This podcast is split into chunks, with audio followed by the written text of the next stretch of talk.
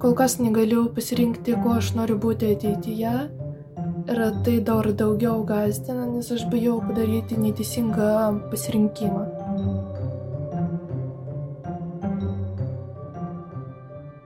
Labas visiems. Ačiū, kad įsijungėte Naro podcastą.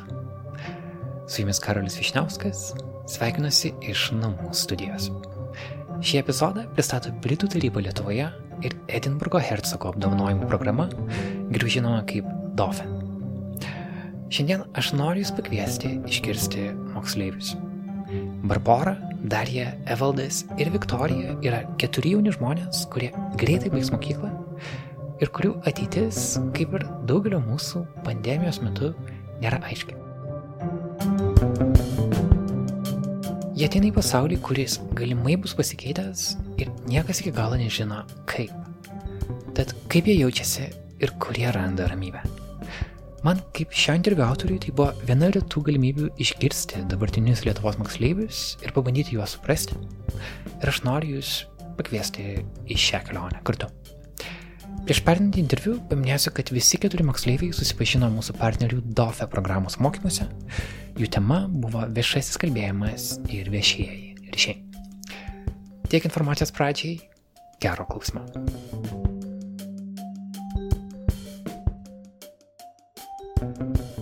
Aš esu Barbara Ivoninaitė, esu iš Alitaus miesto, Alitaus Adolfo Ramanausko Vanago gimnazijos ir iš trečios A klasės. Sveiki, aš e, esu Evaldas iš Marijampolės Rygišjono gimnazijos ir taip pat esu trečiokas. Trečiokas tai uh, galima suprasti kaip vienuoliktokas, dar kitaip, ar ne? Pagal, jo, trečia pagal... gimnazijos klasė. Taip. Aha, tvarkoja. Mhm, Viktorija. Tai laba diena, esu Viktorija iš Klaipados, e, iš Žaliakalnio gimnazijos ir esu dvyliktokė. Sveiki, esu Darija Volkova iš Klaipidos, iš Žaliakalnio gimnazijos, e, iš 10 klasės. Jūsų Viktorija gal e, iš tos pačios mokyklos, ar ne? Jo. Jūs visi susipažinot e, vienuose mokymuose, kur kalbėjot apie viešai kalbėjimą, e, taip pat apie ryšį su visuomenė, ar ne? Tai mes kažkiek pasikalbėsime apie tai, bet pradžioje aš noriu tiesiog jūsų bendras nuotaikas suprasti. Jau nuo gruodžio mėnesio jūs kiekvieną pamoką turite taip, kaip mes dabar kalbamės. Tai yra per kompiuterį, internetu. Ar jums dar nenusibodo? Bent jau man tai visas šitas įvykis nusibodo pakankamai seniai, kadangi jau nuo pirmų savaičių pasilgau draugų, pasilgau mokytojų, e, norėjau eiti į mokyklą, viską daryti, e, atlikti įvairius eksperimentus laboratorijoje, bet, na, tenka sėdėti namie. Norisi kažkaip palauką išeiti. Tiesiog, na, nu, aš turiu omeny, kad su draugais pavaikščioti dar kažko, arba mokytis tiesiog rei, norisi kartais pamatyti mokytojus, bet negalima. Na, aš turbūt būsiu priešingos nuomonės, bet man visai patinka, aš komfortabiliai jaučiuosi, nes daug ir pašalinių dalykų gali pasidaryti, tai tokios nėra labai blogos nuotaikos. Nors, aišku, norisi ir kitus žmonės jau pamatyti. Mm. Ir klausimas yra, ar realiai per nuotolinį mokymas jums pavyksta išmokti dalykus taip pat gerai, kaip pavykdavo klasiai būnant. Nes įsivaizduoju, kad skirtumas yra, jog jūs turite daug labiau individualiai dirbti. Kai jūs sėdit klasiai, jūs matot, kad dirba kiti mokiniai, jūs pradedate dirbti irgi, ar ne? Dabar jūs esate vieni savo namuose. Ar pastebit kažkokius skirtumus? Ar jums sunkiau, o gal kaip tik lengviau susikaupti e, dirbant taip? Žiūrint kokią pamoką, jeigu, pavyzdžiui, tą patį matematikos pamoką, man labai sunku sukoncentruotis, sunku viską parašyti ir po to suprasti viską, ką užrašiau. O jeigu toks, tokia pamoka kaip istorija ar kažkaip, aš galiu sukoncentruoti save ir aš suprantu, apie ką mes kalbam. pritariu Darijai, kad kai kuriuose dalykuose yra sunkiau ir man taip pat yra sunkiau matematikoje, kadangi klasėje vyksta daug daugiau veiksmo, tu gali paklausti draugo, jeigu tu kažko nesupranti. Būna, kad einam prie lentos ir ten sprendžiam uždavinius ir tokiu būdu yra lengviau išmokti, o kai tu sėdi vienas, paklausti taip pat nėra taip lengva mokytojai parodyti, tą atsakymą nėra taip lengva, tai yra iš tikrųjų sunkiau, tačiau kitos klasės, kitose pamokose taip stipriai nepasikeitė, pavyzdžiui, man yra chemija ir dėmesį sutelkti vis tiek yra pakankamai lengva, nes žinai, kad reikia ir atsiranda toks kaip ir atsakomybės jausmas didesnis. O kaip jūsų mokytojai jaučiasi? Jiems tai irgi yra toks pat pokytis kaip ir jum. Tam tikrą prasme, jum galbūt netgi yra lengviau, nes jūs labiau įpratę prie kompiuterio, prie darbo kompiuterių. Ar yra mokytojų, kuriems visas šis perėjimas irgi buvo iššūkis jūsų mokyklose? Mano mama kaip informatikos mokytoja, ji žino visas šitas problemas ir ji žino, kaip kitiems mokytojams gali būti sunku, kai buvo tik tai pirmą kartą, kai tik tai prasidėjo uh, nuotolinis mokymas, ji beveik kiekvieną minutę gavo skambutį nuo vienos, nuo kitos mokytojos, kad mes turim tokią problemą, mes turim tokią problemą. Bet mūsų mokykla po to padarė tokius kaip irgi kaip konferencijas, kur mokytoja, kuri žino viską, ji parodė, kaip reikia dirbti, kaip kažką padaryti, kaip pavyzdžiui uždaryti kažkokį užduotį, kaip išduoti tą užduotį. Ir tapo daug lengviau. Dabar mačiau, kad mokytojams jau lengviau daugiau. Jo, aš irgi gal norėčiau dar jį paantrinti. Jeigu kam ir buvo sunku, gal kilo neaiškumų, tai tikrai tiek informatikos mokytojai, tiek apskritai pedagogų bendruomeniai susitelkė ir tikrai vienas kitam e, daug padėjo ir padeda ir bent jau tuos pagrindus būtinus e, vesti nuotoliniam mokymui e, tikrai turi visi mokytojai, galbūt kai kurie žinau daugiau tiesiog, nes gal vaikai kokie padeda jiems ar panašiai, bet tikrai nėra taip, kad kažkurie mokytojai kentėtų arba dėl to kentėtų vaikai. Mm, supratau, yra nutikę kažkokių kuriozų per Zoom pamokas, tiksliau per Microsoft pamokas, nes yra dar ir ta baime, kad kaž, kažkas pradės ant savo ekranų dalintis, kažką pieš, kažkokias nuotraukas rodyti. Ar moksleiviai tai daro, ar iš esmės jūs iš to išaugę jau? Na, mūsų klasiokai truputį išsiskiria visai mokyklai, kaip aš taip manau, nes uh, yra labai daug pamokų, kada jie išjungia mokytojams mikrofoną arba kitiems mikrofoną arba iš pamokų išmeta. Ir mes į, į mūsų uh, klasės čatą rašom, kad baikit tai daryti, mes norim mokytis toliau ir po to uh, nespręsti kažkokių problemų, bet uh, tai vis dar yra ir aš manau, kad bus, bet jau truputėlį mažiau, kai nei uh, nuotolinio mokymo pradžioje praeitą savaitę, ar šią gal net savaitę, buvo labai smagių kuriozų lietuvių pamokoje, kai pradėjom kalbėti apie Faustą, kūrinį Faustą ir apie Mefistofelį ir tada tiesiog dvi dienas iš eilės mokytojai kompiuterį išjungė, kai pradėjom kalbėti apie velnę. Iki tol visą laiką viskas buvo gerai ir tik pradėjom kalbėti apie velnę, operacinė sistema sugalvojo pradėti pokštauti. ir tai vyko du kartus. Jei neklystų du kartus, taip.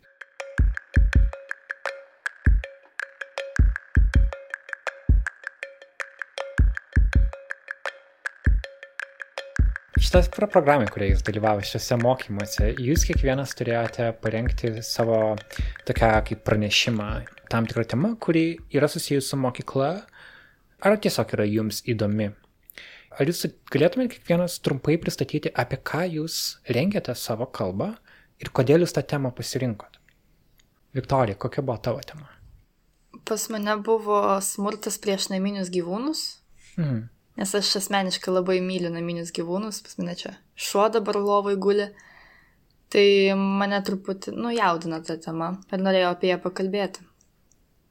O buvai tai kažkaip su tuo susidūrus savo gyvenime, pati matei kažkokį smurtą prieš gyvūnus, gal net prieš tavo gyvūnus buvo smurtaujama? Prieš mano gerai, kad nebuvo smurtaujama, bet mačiau kartais, kai gyvenau dar mieste, dabar aš užmesti gyvenu, tai kai gyvenau mieste ten kieme, kartais mačiau, kaip ir ką tik galėjo, tiesiog nuėjo pro šalį žmogus ir nuspirti tiesiog su koja tą katiną, o mes jį maitinom tada, tai kažkaip man taip nesuprantu tų, tų žmonių. Ai, buvo kažkoks ga gatvėje kačiukas, kurį, kuriam jo. jūs atneždavot maisto? Ir tada jo. jūs matėt, kaip tam kačiuką kažkai, kažkoks žmogus tiesiog įspyrė? Taip. Hm. Bandėt su to žmogum kažkaip konfrontuoti? Na, ne, aš net nebandžiau, nes buvau vaikas mažas, o ten buvo jau suaugęs žmogus, tai nieko Ai. taip negalėjau padaryti. Ai, čia buvo ne dabar, kažkada čia seniau buvo. Ne, ne, čia seniai buvo jo. Bet tau likę atmintėjai. Mhm. Mm Ir ką išsiaiškinai, rengdama kalbą, kodėl kodėl smurtas prieš gyvūnus egzistuoja. Nu, man labai patiko vienas sakinys buvo, kad mums gyvūnas naminis tai tik kažkoks mūsų gyvenimo tarpas, o mes gyvūnui tai visas jo gyvenimas. Tai man ta mintis labai patiko. Ir dabar jinai man galvoja. Barbara, apie ką tu kalbėjai? Tai aš pabandysiu geriausiai, kaip sugebu išversti savo pavadinimą. Ir, tai yra Svetlanos Martinčik darbų reikšmė mums. Svetlana Martinčik yra rašytoja ir ji yra mano pati mėgstamiausia autorė ir aš remiuosi jos knygų seriją Echo labirintai ir kalbu apie tai, kaip, kaip draugystė gali būti geresnė arba už meilę ir kodėl mes turime saugoti draugystę, bei apie tai, kaip e, escapism gali būti ir blogas dalykas, jeigu mes jo nesukontroliuotumėm. Ir tai yra e, įvairių kitų pasaulių kūrimas savo galvose ir jų ir labiau gyvenimas juose, o ne realiam gyvenime. Ir kaip atradai jos knygas? Aš buvau pakankamai maža, sakyčiau, galbūt kokią 11 metų ir nuo pat mažens labai mėgau knygas ir bibliotekoje, vaikų skyriuje, kur beje tos knygos visiškai neturėjo stovėti. Jas atradau ir labai pamilau. Yra septynios knygos lietuviškai ir man jos visos labai labai patiko iki šiol. Mm. Ok, um, Evaldai, tavo tema buvo lytinis švietimas mokyklos, ar ne? Taip. Ką tu apie ją? E, Vis pirma, kodėl tau šitą temą buvo svarbi? iš tikrųjų net neatsimenu, kaip, kaip užsikabinau ant šitos temos, kas mane patraukė, bet gal labiausiai turbūt tokia e, asmeninė gal idėja buvo, nes labai pasigėdau e, lytinio ūkdymo mokykloje tiek e, pirmoje, kurioje buvau, tiek gimnazijoje. Aš žinau, kad jis turi būti, bet jo nėra ir tiesiog man norėjausi kelti šią problemą, apie ją kalbėti ir galbūt atkreipti didesnį visuomenės dėmesį į tai. Mm. O tai jo visiškai nėra, nei per biologijos pamokas, nei per...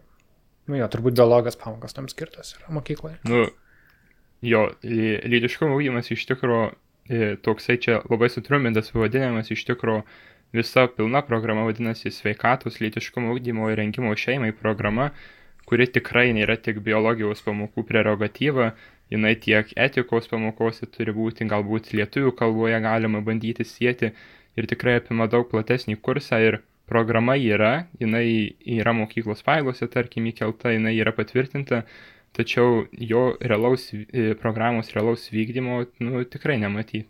Kaip kitų mokyklose, ar jums šita tema atrodė svarbi Aš manau, kad šita tema yra labai svarbi ir pritariu Evaldui, kad ji yra tikrai nepakankamai daug dėstoma. Ir manau, jog būtų tikrai gerai, kad e, ši tema būtų plačiau dėstoma ir nuo ankstesnio amžiaus. Aš su draugė kartais apie tai kalbu, apie tai, kad mokykloje nepakankamai kalba apie tai. Ko aš galėjau išmokti mokykloje, aš susižinau iš kitų žmonių. Arba kai pati paklausiu, arba tiesiog kažkaip taip netyčia ir sužinojau. Pas mus atrodo, mokyklai net nekalba šią temą. Arba aš praleidau tas pamokas. Aš girdėjau apie tą temą gal šeštoj klasiai viena pamoka, mums pasakojo ir viskas. Labiau nekreipė dėmesio tai temai. Tai Evaldai, kokia buvo tavo išvada galbūt kalbos, ką, kaip tu siūlytum keisti situaciją? Pirmiausia, tai reikia keisti požiūrį į tai ir tiesiog pradėti dirbti, o tada jau žiūrėti galbūt kažkas negerai ir kažką galima keisti, bet nu, pirmiausia vis tiek reikia pradėti su tuo dirbti, šviesti ir skatinti, kad šviestų ir kiti. Mm, mm. Paskui gal bandėjai mokykloje kažkaip kelti savo, pat, paties mokykloje tą klausimą? Jo, mes biškai pradėjom iš kito galo daryti su organizacija, Mariampolės jaunimo organizacijų taryba apsirtas stalas, mes pateikėm rekomendaciją savivaldybei apie lytiškumo ugdymą mokyklose, kad savivaldybė imtųsi veiksmų, e, galbūt įsiaiškintų situaciją ir panašiai, bet buvau pradėjęs asmeniškai ruošti kažkokius gal kažkokį pasikalbėjimą su administracija, tačiau įvyko nelemtas karantinas ir nuotolinis mokymas, tai nusprendžiau tiesiog neapkrauti dar papildomais darbais, nes tikrai nuotolinis mokymas yra didžiulis stresas ir administracijai, tai Kol kas ši problema atidėta, bet tikrai tikiu, kad pokytis įvyks. Tai tu pats priklausai ir jaunimo organizacijai Marijampolėje. Taip. Mhm. Supratau. A, Darija, kokia buvo tavo tema kalbėjimo? Taip, a, mano kalbos tema buvo, ar gali muzika pakeisti tavo gyvenimą. Ir gal pradėsiu nuo išvados, taip gali.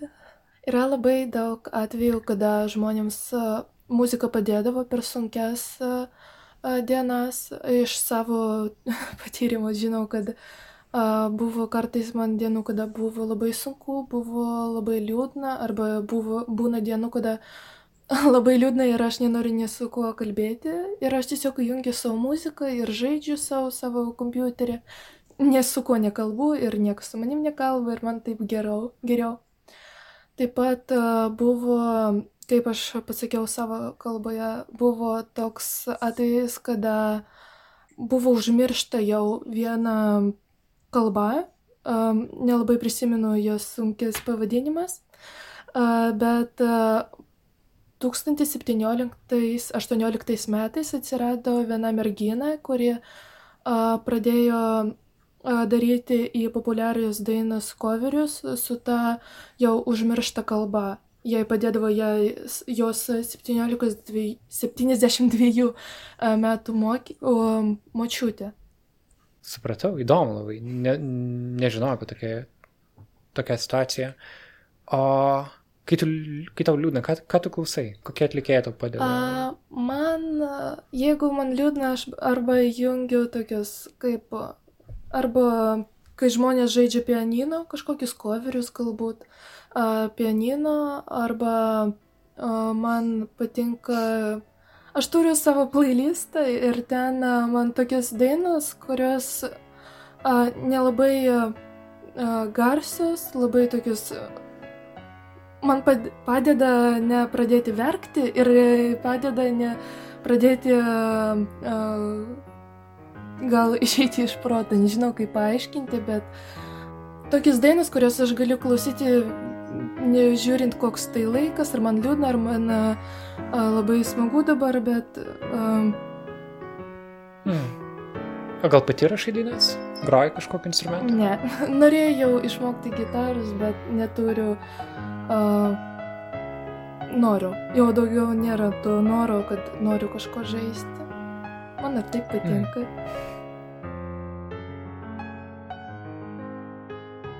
Primenu, kad Nara podcastą ir Nara žurnalistiką apskritai kviečiame palaikyti per Patreon sistemą.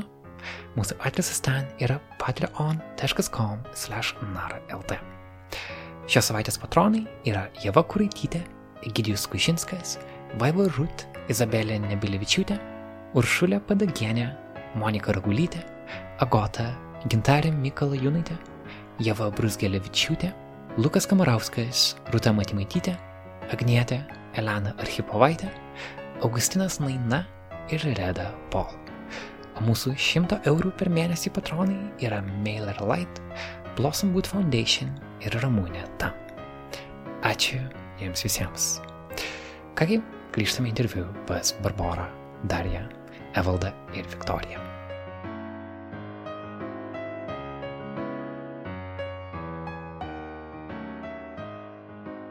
Jūs jau esate visi vyresnėse klasėse, iš esmės jum laukia tas pasirinkimo momentas, ką veikti toliau, kur studijuoti, ar iš viso studijuoti, gal kažkur keliauti, kažkokią profesiją galbūt rinktis. Ar jūs esat kažkokius sprendimus priėmę ir ar jums šitas procesas yra sudėtingas? Uh, vėl, Viktorija, gal nuo tavęs pradėjome su 12, tau arčiausiai, arčiausiai šitas pasirinkimas? Nu, aš apsisprendžiau, kad noriu į vadybą eiti ir bandysiu arba į Vilnių, arba čia Klaipėdoje likti studijuoti. Nu, kaip, kaip, kaip išlaikysiu egzaminus, čia reikia žiūrėti. Bet buvo sunku apsispręsti, iš tikrųjų, labai sunku. Nes norėjau ir veterinarą būti, dešimtoje gal klasiai, ir po to norėjau ir kitas profesijas, žiūrėjau, bet kaž, kažkaip su vadyba man arčiausiai gal. Hmm. Artima. Hmm. O kodėl vadyba? Oi, nežinau, paskaičiau apie tą profesiją, kad ten kaip nevadovauti gal žmonėmis. Man kartais tai gerai pavyksta, tai pagalvojau, kad paskaičiau, pažiūrėjau kokias ten lekcijos ir pagalvojau, kad man gal įdomu bus. Hmm. Kad būtum gera vadovė. Tikiuosi. Hmm. Barbara, tu linkčiai galvą iškritus klausimą. E, kokie tavo, kokie tavo mąstymai dėl ateities? Tai turbūt linkčiau dėl to, nes nemažai apie tai galvojau Tai aš planuoju, um, žinau, kad nestudijuosiu Lietuvoje, tačiau nežinau, kur dar tiksliai. Galvoju apie Niderlandus arba galbūt apie Skandinavijos šalis.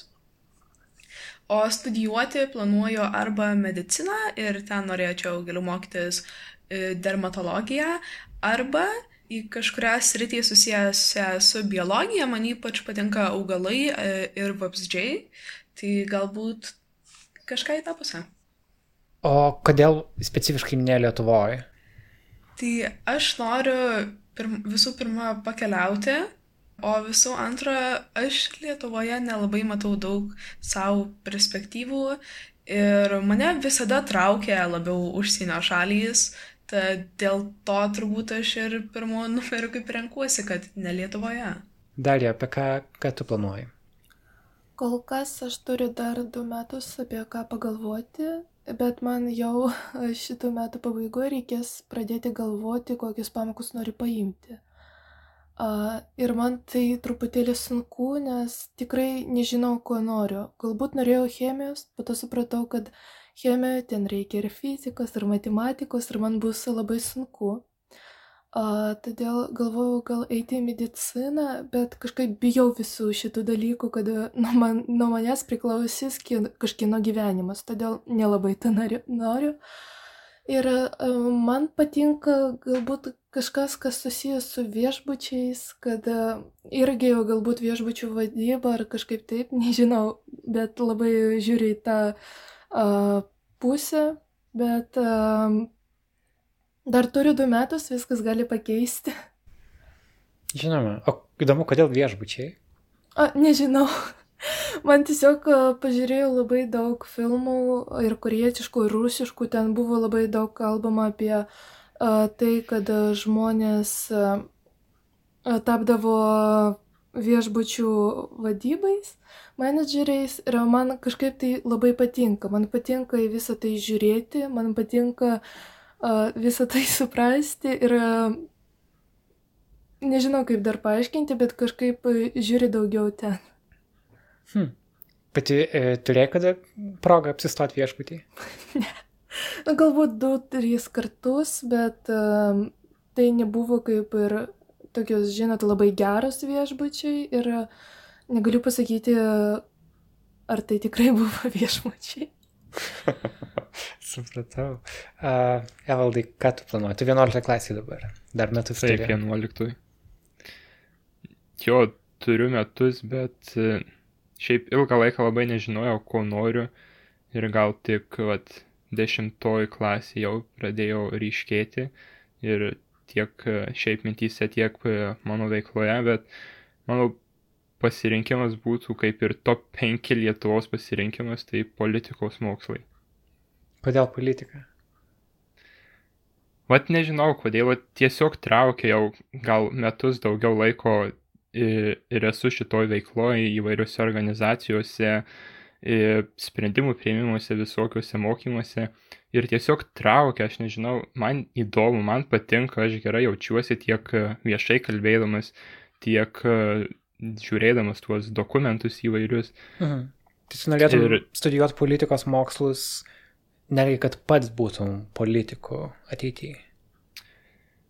Va čia turbūt yra didžiausias klausimas, ar noriu būti politiku, ar su politika susijęs žmogus, ten tarkime žvalgininkas ar žurnalistas politikos, bet turbūt čia pirmiausia reikia įstoti į institutą ir tada jau yra keturi metai ir žiūrėsiu, kas man yra dar arčiau širdies. Mhm. Ir norėtum Vilniui studijuoti? Jo, aš manau, jeigu sieji savo ateitį su Lietuva, tai yra tiesiog būtina studijuoti institute, kad nepabėgtum nuo visos Lietuvos politikos, visos sistemos. O į užsienį visada galima magistrą e, studijuoti užsienyje. Mm. Ir kai sakai institutas, turiu omeny tarptautinių santykių, politikos mokslų Taip, institutas. taip, vienas toks tik ir yra. Tai Vilniaus universitete. Taip. Ir pats dar neturėjai galimybės balsuoti, ar net? Ar, ar jau turėjai? dėja neturėjau. Mhm. Mhm. Laukit, kada bus 18 ir gausi savo pirmą, pirmą padėti kryželį kažkur. Laukiu, kada bus 18 ir laukiu, kada galėsiu balsuoti, nes jei neklysiu dabar, tai rinkimai pirmi bus tik po dviejų metų, kai sueis 18. Tai 22 ar 23 dabar. Mhm. Nu, žodžiu, bet kad pirmi rinkimai tikrai yra daug toliau nei mano gimtadienis, tai labai liūdžiu dėl to. Mhm. O už ką balsuotum, jei galėtum? Oi, kokie rinkimai reikia pažiūrėti. teisingas, teisingas atsakymas. Uh, supratau. Ir jūs vis tiek mokyklai esate jau, um, na, daug, daug metų praleidę. Um, jūs matote dalykus, kurių galbūt mokykla galėtų mokyti, bet nebūtinai moko, kaip mes paminėjom, lytinį švietimą kaip vieną iš tų dalykų. Koks jūsų būtų siūlymas? Kaip mokykla galėtų keistis? Kokius dalykus galbūt įtraukti? kad, kad kažkaip labiau atlieptų šio laikinių paauglių norus. Ką jūs norėtumėt, kad jūs mokyklai mokytų, bet jūsų nemoko? Kas tai galėtų būti?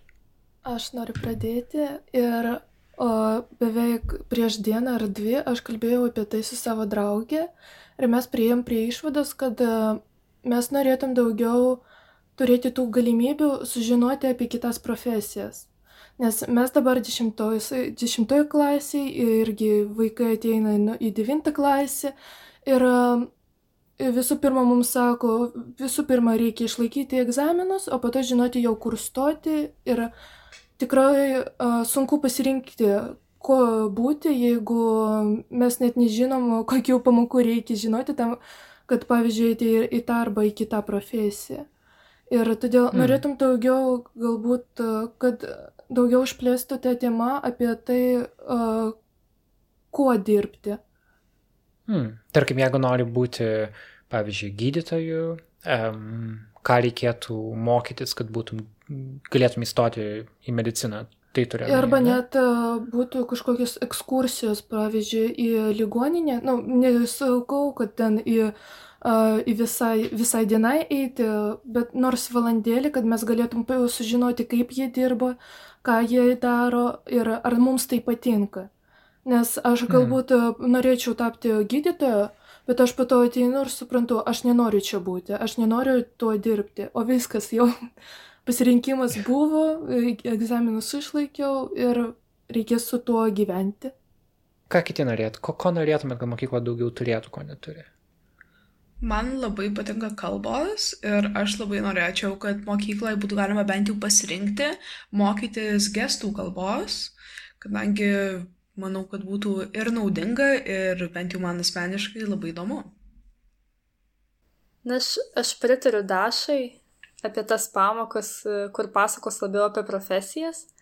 Nors man tai jau nėra aktualu, bet manau jaunesniesiems tai būtų aktualu, nes man pačiai tai mokykla nelabai padėjo apsispręsti. Mes e, kreipiamės į... Yra toks kaip projektas, nežinau, atranka 300 360. Ir jie man labiau padėjo, ten ir psichologė buvo, ir su manim pakalbėjo, ten kažkokie testai buvo. Tai man tas labiau padėjo apspręsti nei mokykloj, ten ką mokytojai sako, nes visi sako, kad mano pamoka tai yra labai svarbi, reikia mokytis, kiti taip pat sako tą patį, tai man tada gal tai padėtų labiau. Bet visas pamokas, visas pamokas svarbios. Mhm. Supratau. Evaldai, kaip, kaip tu galvoji?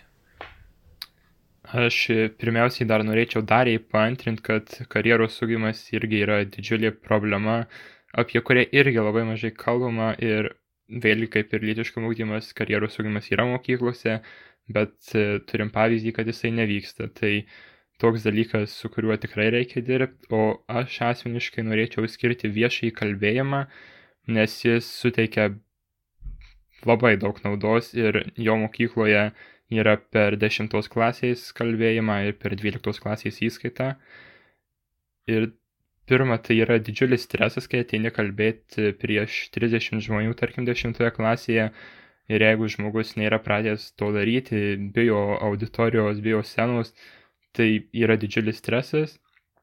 O ir šiaip viešasis kalbėjimas suteikia tikrai labai daug patirties, išlaisvina, padeda save pažinti, tikrai yra daug pliusų, kurie būtų ypatingai naudingi jau penktoje, šeštoje klasėje. Supratau. O aš noriu suprasti bendrai jūsų nuotaiką šituo tokiu tikrai neįprastu metu, kada mes visi fiziškai atskirti vieni nuo kitų. Ir e, jūs realiai ateinat į pasaulį, kuris gali būti, kad dėl uh, koronaviruso, dėl mm, to, kad žmonės praktiškai visi šitie metai yra daug laiko tiesiog sėdėjimo prie kompiuterio, kad, tai, kad, kad, kad pasaulis gali būti truputį kitoks po to, kai jūs jį ateisit, gali būti ir kažkokia ekonominė krizė, gali būti, kad neaišku, pavyzdžiui, ar pavyks taip lengvai keliauti, kaip pavykdavo seniau, galbūt, pavyzdžiui, labai pabranks, tarkim, skrydžio bilietai. Tai aš noriu suprasti jūsų nuotaikas. Jūs dabar, jūs tarsi pradėsit greitai savo naują tokį etapą, taip studentais, kažkaip kursite savo naują gyvenimą, bet kartu jūs ateinate į pasaulį, kuris jau yra kitoks, negu visai kaip jūs buvote. Ar jums tas yra, gal tas kaip tik yra labai įdomu, o gal tai kelia ir kažkokį nerimą. Tai aš noriu tokias jūsų nuotaikos dėl ateities. Iš esmės, ar jums atrodo, kad viskas bus tvarkoj, ar jūs nežinot, kaip viskas bus? Na, aš pernelyg optimistiškai nesu nusiteikusi, nes žinau, kad e, koronavirusas stipriai paveikė ekonomiką, pačius žmonės paveikė ir kad tikrai bus kažkas blogiau, tikrai nebus viskas taip, kaip buvo anksčiau. E, tačiau e, man įdomu ir man visai įdomu, kokie nauji iššūkiai bus. Ir tiesiog kaip ir nežvelgiu optimistiškai į, kokią, į tai, kokia padėtis bus pasaulyje, bet žvelgiu optimistiškai į tai, kaip e, aš su ta padėtimi susitvarkysiu. Bet turbūt čia man jau ir anksčiau buvo tokia baime apie savo ateitį ir tai yra apie klimato atšilimą. Tai čia turbūt buvo mano didžiausia baimė ir aš galvojau, kad, na, didesnės už ją kaip ir, nu, kaip čia pasakius, Aš nemanau, kad žmonės susipras kažką padaryti, bet dabar pamačius, kad kaip įvyko koronaviruso situacija, aš turiu truputį daugiau vilties, kad galbūt kažko susijims veikti. Jo, nes klimato kaita niekur nedingo. Ir jeigu virusas yra toks kaip dabartinis, va šių pastarų metų klausimas, tai klimato klausimas yra ilgalaikis reikalas. Ir tu, Barbara, kaip suprantu, domėjai tuo iš anksčiau. Ir kaip tu galvoji, kaip pasaulis gali pasikeisti, pavyzdžiui, po 10-20 metų, jeigu ten liks toliau viskas su ekonomika kaip dabar, su gamyba ir panašiai. Ko, į kokį pasaulį tu suaugi, kaip suaugus žmogus tuomet ateisi? Aš manau, kad aš ateisiu į daug blogesnį pasaulį, negu e, jis dabar yra, ir ekologiškai, ir ekonomiškai. Tai ekologiškai ypač dėl to, kad jeigu niekas nepasikeis, mūsų klimatas šiltės, kils jūrų lygiai, gali būti sunaikinami miestai, taip pat didės oro tarša ir tai gali stipriai paveikti žmonės ir gali atsirasti naujų lygų ir kadangi kyla, vidut, nu, taip pat kyla vidutinė oro temperatūra, tai dėl to taip pat gali atsirasti sausros, gaisrai, taip pat kaip jau ir minėjau, naujos lygos, o ir šitie visi dalykai gali labai stipriai paveikti vis, viso pasaulio ekonomiką. Tad manau, kad jeigu nieko bus nesusimta daryti, ypač tų visų didžiųjų įmonių ir pasaulio, ir pasaulio šalių valdovų, tai manau, kad aš ateisiu į blogą pasaulį. Hmm. O pati kažko bandai prisidėti prie klimato išsaugojimo, na, žinai, kad ir mažai žingsniais yra, yra tas požiūris, kad pražau, kiekvienas gali pradėti nuo savęs ir ten um, naudoti daugkartinį padelį arba ruš, e, rušiuoti šiukšlės, neimti plastikinių maišelių parduotuvėje. Uh, turi kažkokią savo vidinę etiką tuo, tuo klausimu. Galbūt tokie kaip ir paprasti dalykai, kaip tarkim, mes šiaip šeimoje turim e, daugkartinio e, vartojimo maišelių, kai būna tie medžiaginiai krepšeliai, taip pat e, vandens gertuvės daugkartinės ir tokie paprasti dalykai, arba kaip e, paprastas rušiavimas, ten kad ir kartoninių dėžių. Tai tiesiog bandau prisidėti taip pat, e, daug kur vaikštau arba važiuoju e, mikriuku, tad tai taip pat, manau, prisideda prie tokio kaip truputį gerinimo. Ir tokiais mažais žingsneliais. Hmm. Kaip kitų nuotaikos? Dėl, uh, dėl ateities. Ar jums šitą ateitis kelia įdomumą ir tokį, iš esmės, jausmą, kad viskas bus tvarkoj? Ar jums yra kažkoks nerimas? Dabar asmeniškai man labai baisu, kad kai pasibaigs visa ta istorija su koronavirusu, mes visi išeisim iš to karantino ir atsiras kita gal kitas virusas naujas ir mes vėl busim karantinė ir vėl namie sėdėsim. Tai man dabar baisu truputį. Jo, mokslininkai sako, kad virusai vis, pas, na, pandemijos vis pasikartoja, tik tai, na, ne taip iš karto, bet iš esmės jos ateina ir tą, ir tą rodo, ir pavyzdžiai, tik ne visos taip išplinta kaip šita. Aha, uh, ok, uh, darė kaip, kokios tavo nuotaikos? Tai tikrai sunku pasakyti, nes visas tas kalbas apie ateitį mane labai gazdina. Aš bijau ateities. Tai, nu, bijau, ko būsiu toliau, kok, kokia aš, kaip aš atrodysiu, aš bijau už pasaulį, nes viskas gali atsitikti taip staigiai kad, ir, ir iš niekur. Todėl negaliu tikrai pasakyti, kas bus už 10, už 20 metų, bet uh, kol kas norisi suprasti, kas bus su tuo koronavirusu, su karantinu, kada viskas tai baigs ir uh, kada mes galėsim išeiti į lauką, tiesiog ne išeiti į parduotuvę, o pasivaikščioti su draugais ir nebijoti, kad ten stos policija ir pasakys eik namo. O kas tau duoda ramybę tais atvejais, kada, vat, sakai, kad tau šiaip kelia nerima dalykai, ka, kas tau duoda ramybę? Mm, visų pirma, aš uh, iš tų žmonių, kurie bijo mirties. Todėl aš bijau mirti ten kažkokią dieną, nežinau, kaip viskas baigs, mane tai gazdina daugiausiai. Taip pat nežinau, o kol kas negaliu pasirinkti, kuo aš noriu būti ateityje ir tai dar daugiau gazdina, nes aš bijau padaryti neteisingą pasirinkimą. Hmm, hmm. Jo, ir mirties baimė turbūt yra universali, ar ne? Turbūt nėra žmogaus, net jeigu jisai sako, kad nebijo, turbūt nėra, tai nėra tiesa. Evaldai, kokios tavo nuotaikos?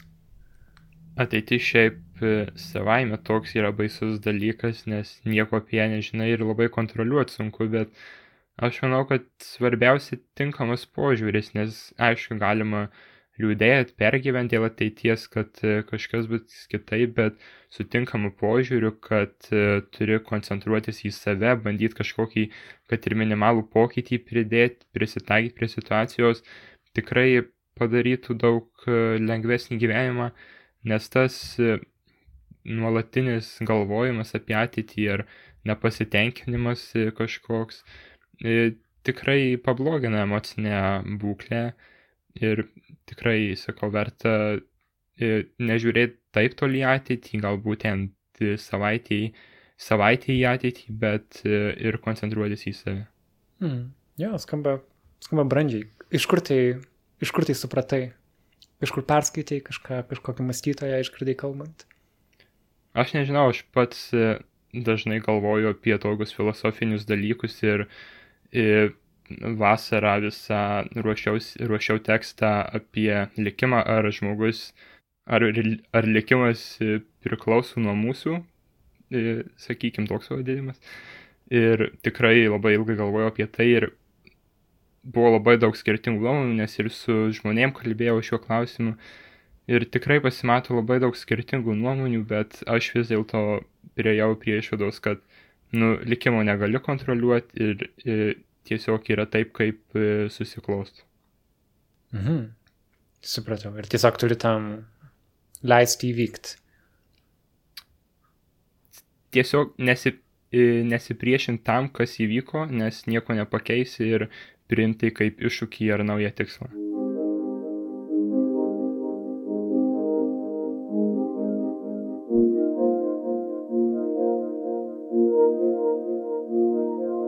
Čia turbūt būtų paskutinis jau klausimas.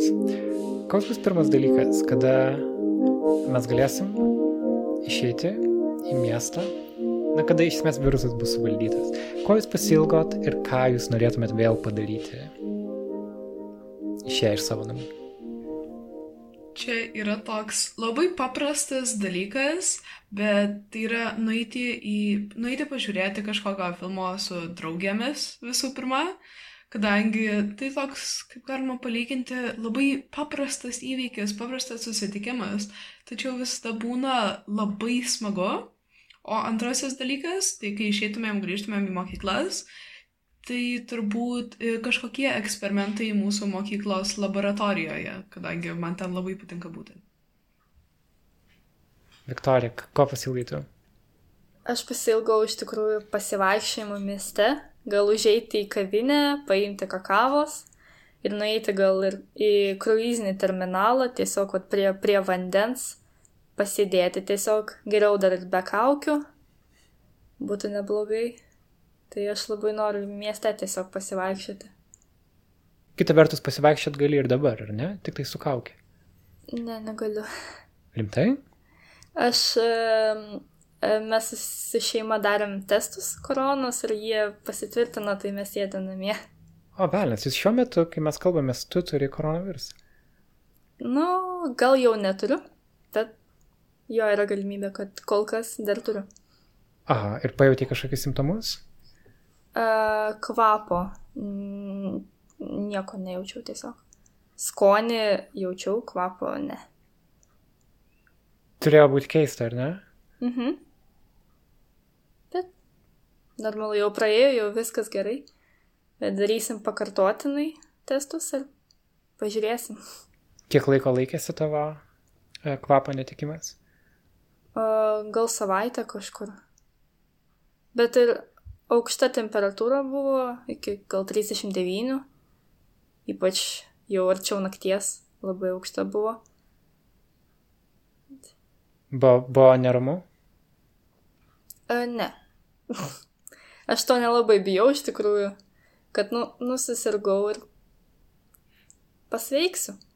O kaip supratai, kad kvapą ne, nejauti?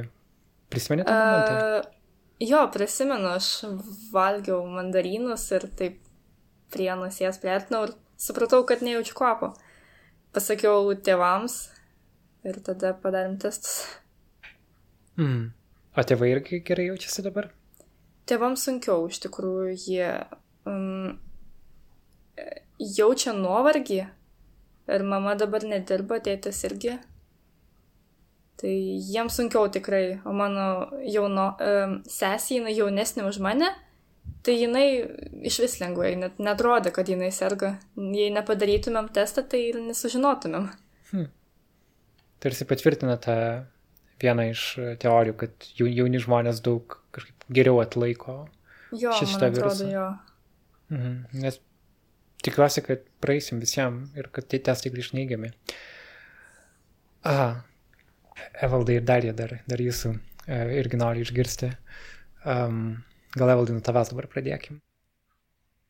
Manau, kad pirmiausias dalykas tai būtų nueiti į restoraną, pavalgyti pietų ir išgirsti tą žmonių šurmulį, tą bendravimą, diskusijas prie pietų stalo, nes tiesiog jau pasilgau to girdėti gyvo bendravimo, gyvų nuomonių apsikeitimo ir kažkokių diskusijų, tai e, tikiu, kad tai tiesiog pakeltų ūpą labai stipriai. Sutinku. Aha, e, Darė, ką darytum tu? Esu pirmiausia labai noriu pas savo draugę nuvažiuoti, nes jau apie savaitę dvi aš labai noriu su juo pažaisti vieną kompiuterinį uh, žaidimą, bet negalim susitikti niekaip. O šiaip norėčiau irgi gal nuvažiuoti į miestą, nueiti į kažkokius restoranus, su, nu, tiesiog nebijoti vaikščioti. Arba jeigu kalbėti apie vasarą, jeigu pavyzdžiui vasara bus ir galima vaikščioti laukia, tai labai norėčiau šventės, nes mums kada buvo ta mm, jūros šventė, labai buvo daug, nedaug žmonių, a, nebuvo visų tų koncertų, nu, buvo, bet nedaug. ir e, nebuvo to atrakcionų, ne, nebuvo net tos jausmas, kad jau šventė. Mm. Mm. Jo, sunku susikurti šventę savo, kai, kai esi atskirai namie. O kokį žaidimą žaisum su draugė? Ne, aš jau apie savaitę žaidžiu Genshin Impact ir todėl labai noriu pažaisti su draugė. A, koks tai žaidimas? A, ten apie brolį ir sesuo ir tu pradžioje pasirinkti, tu žaisi už brolį ar už seserį. A, aš pasirinkau už seserį ir brolį buvo paėmė į kažkokį kitą pasaulį ir aš dabar turiu a, rasti, a, a, padėti žmonėms a, a, išgyventi, nes labai daug ten yra blogių, a, tokių, kaip jie vadinami. Blogių žmonių, jeigu žodžiu, yra blogi žmonių ir aš turiu padėti kitiems išgyventi. Ir taip pat aš turiu tą planetą ir aš galiu bėgioti, rasti kažkokius naujus miestus, kažkokius naujus vietas, kažko naujo galiu rasti ir mes turim uh, padėti žmonėms rasti tą ketvirtą oro dievą. Ketvirtą oro dievą, nes jis yra drakonas, drakonė jis yra. Ir drakonas susipyko į šitą miestą ir iš, išskridė ir jie stengiasi dabar uh, uh, grįžti tą drakoną. Wow masyvus žaidimas. Um, aš tada nebeturiu teisės daugiau pasimti jūsų laiko ir grįžk pas drakoną. ir ačiū visiems labai, kad skiriat laiko pasikalbėti ir sėkmės toliau būnant prie ekranų ir linkiu, kad greičiau galėtumėm visi padaryti tai, apie ką kalbėjom. Ir likit sveiki. Ačiū labai. Ačiū. Ir jūs. Iki.